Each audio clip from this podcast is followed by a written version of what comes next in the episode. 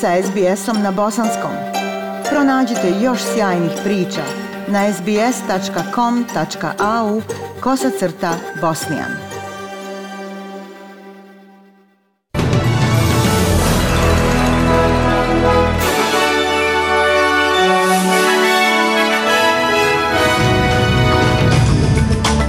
Današnjim vijestima poslušajte dodatnih 12 smrtnih slučajeva povezanih s COVID-om i skoro 17.000 novih slučajeva virusa. Predsjednik Zelenski kaže da je u Ukrajini ubijeno 23.000 ruskih vojnika i u AFL-u San Kilda za jedan bod poražena od Port Adelaida.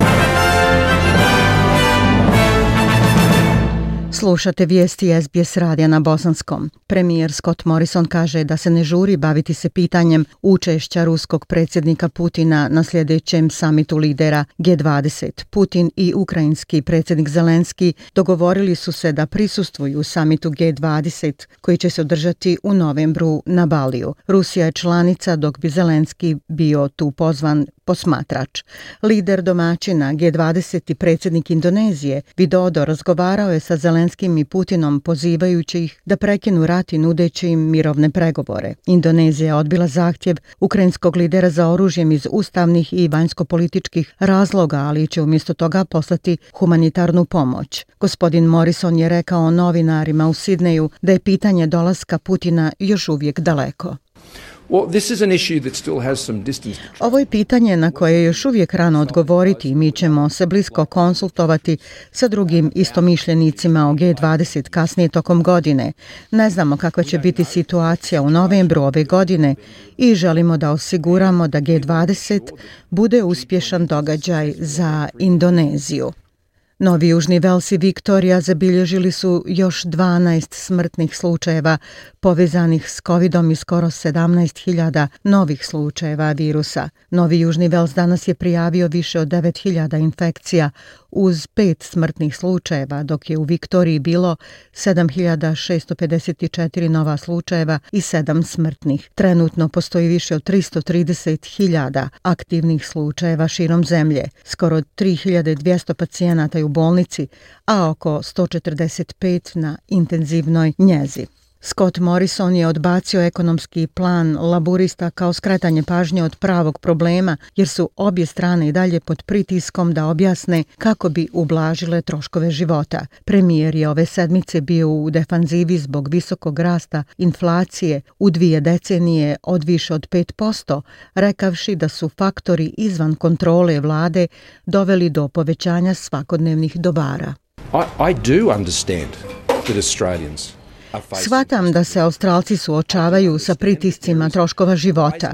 Razumijem da postoji rastući pritisak na kamatne stope. Znamo da uticaj na inflaciju dolaze daleko izvan australskih obala i nekih faktora, posebno u novije vrijeme, kada to utiče na cijene voća i povrća, kada su u pitanju nedavne poplave. Olakšice će stići do Australaca u obliku poreskih olakšica i jednokratnih plata za penzionere, kaže Morrison dok je provjeravao ekonomske akreditive svoje vlade. Predstojići rast kamatnih stopa i novi opozicioni plan o zajedničkom kapitalu da se hiljade ljudi udome povećali su pažnju na pristupačnost nekretninama. Laboristi kažu da će troškovi kupovine kuće biti smanjeni do 40% za oko 10.000 osoba sa niskim do srednjim prihodima godišnje ako oni dobiju izbore. Odgovarajući na ovu politiku, ministar financija Simon Birmingham rekao je za ABC da je nedavno proširena šema stambenih garancija poželjnija od vlada koje posjeduju dio domova ljudi.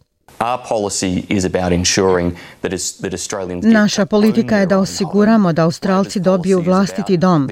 Politika laborista je da vlada posjeduje dio vašeg doma zajedno s vama. Naša politika funkcioniše. Sada pomaže da se zaista podigne stopa vlasništva po prvi put.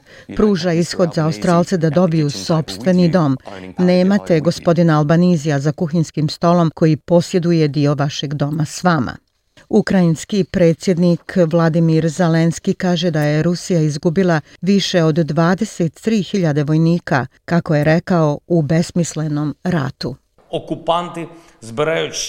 The occupier gathering additional forces for new attacks against Okupatori prikupljaju dodatne snage za nove napade na našu vojsku na istoku zemlje. Doveli su pojačanje u oblast Harkova, pokušavajući pojačati pritisak u Donbasu. Izgubili su više od 23.000 vojnika u borbama u ovom besmislenom ratu za Rusiju, ali ne prestaju. Zelenski kaže da je Ukrajina uništila više od 1000 ruskih tenkova, skoro 200 aviona i skoro 2500 oklopnih vozila tokom sukoba. Dodao je da će još hiljade ruskih vojnika biti ubijeno, a hiljade ranjenih u narednim sedmicama. Specijalna izaslanica UNHCR-a, američka glumica Angelina Jolie, posjetila je u subotu željezničku stanicu u ukrajinskom gradu Lavovu. Jolie je razgovarala s dobrovoljcima o traumi rata i podršci koju su im pružili, a posebno djeci.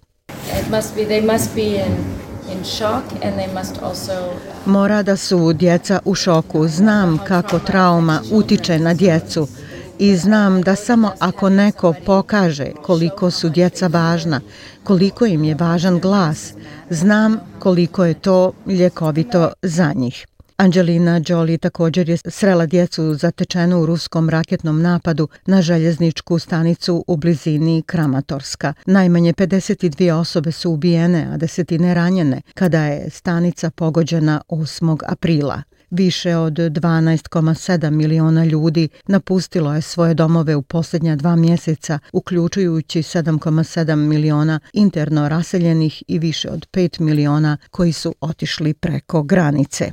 Ministar vanjskih poslova Moldavije Niku Popesku kaže da budućnost Evrope zavisi od toga kako se rat u Ukrajini završi. Well, I think the future of the entire continent Mislim da budućnost čitavog kontinenta počiva na kapacitetu Ukrajine da održi svoj politički sistem, svoju zemlju, svoj otpor i u tom smislu sudbinu i budućnost svake zemlje u ovom dijelu svijeta. Čitava Evropa zavisi od toga kako će se ovaj rat završiti, gdje se završava i kada.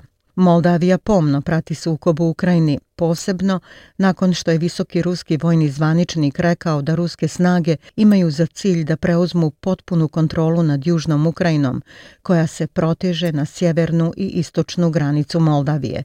Na pitanje da li je Moldavija spremna da zatraži oružje od drugih zemalja ako se suko prenese u zemlju, gospodin Popesku je rekao da nacija nije u poziciji da prejudicira kako će se stvari razvijati, ali se pripremaju za sve moguće nepredviđene određene situacije.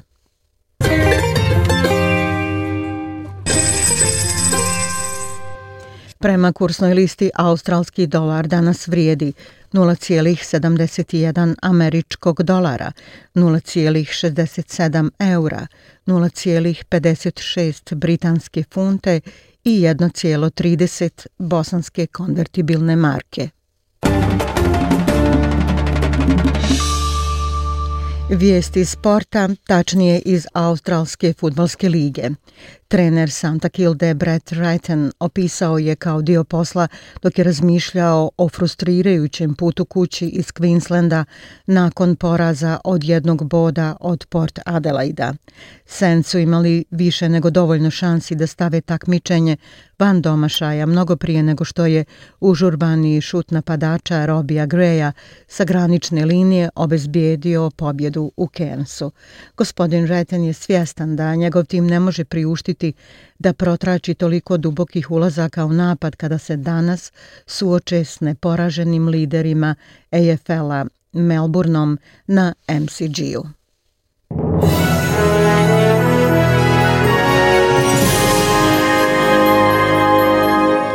I za kraj poslušajte temperaturne vrijednosti za veće gradove u Australiji. U Pertu sunčano 25, u Adelaidu oblačno 21, u Melbourneu također oblačno 20, u Hobartu 19, Kamberi sunčano 18, u Sidneju 22, u Brisbaneu 24 i u Darwinu sunčano 35 stepeni. Bile su to vijesti SBS radija na Bosanskom. Ja sam Aisha Hadži Ahmetović. Ostanite i dalje s nama.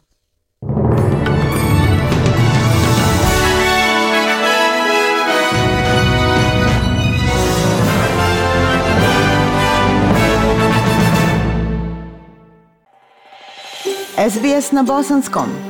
Podijelite naše priče preko Facebooka. Želite poslušati još ovakvih priča? Slušajte preko Apple podcasta, Google podcasta, Spotify ili kako god da primate svoje podcastove.